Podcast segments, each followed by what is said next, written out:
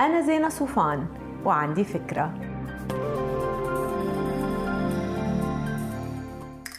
هاي.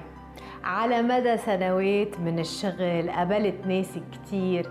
بيعتقدوا إنه حظهم سيء بالعمل وإنه هيدا الحظ العاسر بيخلي غيرهم يترقوا بينما هن بضلهم محلك سر بتعرفوا لما دققت فيهم اكتشفت إنه عندهم بالغالب صفات مشتركة.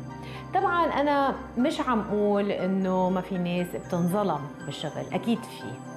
بس عم أقول كمان إنه في ناس بتظلم حالها. في ناس بتفكر إنه الدنيا أبيض وأسود وبتكون متشددة وبتمسك على الكلمة أنا ما بشتغل هيك أنا ما بناسبني هيك نحن ما اتفقنا. على هيك هيدا التشدد بيخلي المدراء يقولوا عنك شخص صعب وما بيتشجعوا إنهم يرقوك كمان السمعة السيئة بتلحق الشخص يلي بيعتبر الحياة خناقة على طول. يعني عنده سبب دايما للمشارعة جاهز للجدال بصوت مرتفع وبحدة. شخص طول الوقت بيقول أنا شايف إنه أنا بختلف معكم أنا مش مقتنع وما بيجرب يفكر بروح الفريق ويقول نحن.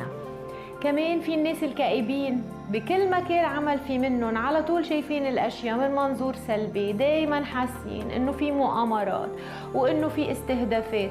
هيدول أكيد الإدارات ما بتتحمس لهم لأنه بالحقيقة هن مش بس كئبين حالهم إنما مسممين الجو العام يلي حولهم. كمان في ناس ما بتترقى لأنه عمرها ما عملت أكثر من المطلوب منها. يعني الدوام بالدقيقة المهمات بالكيلو.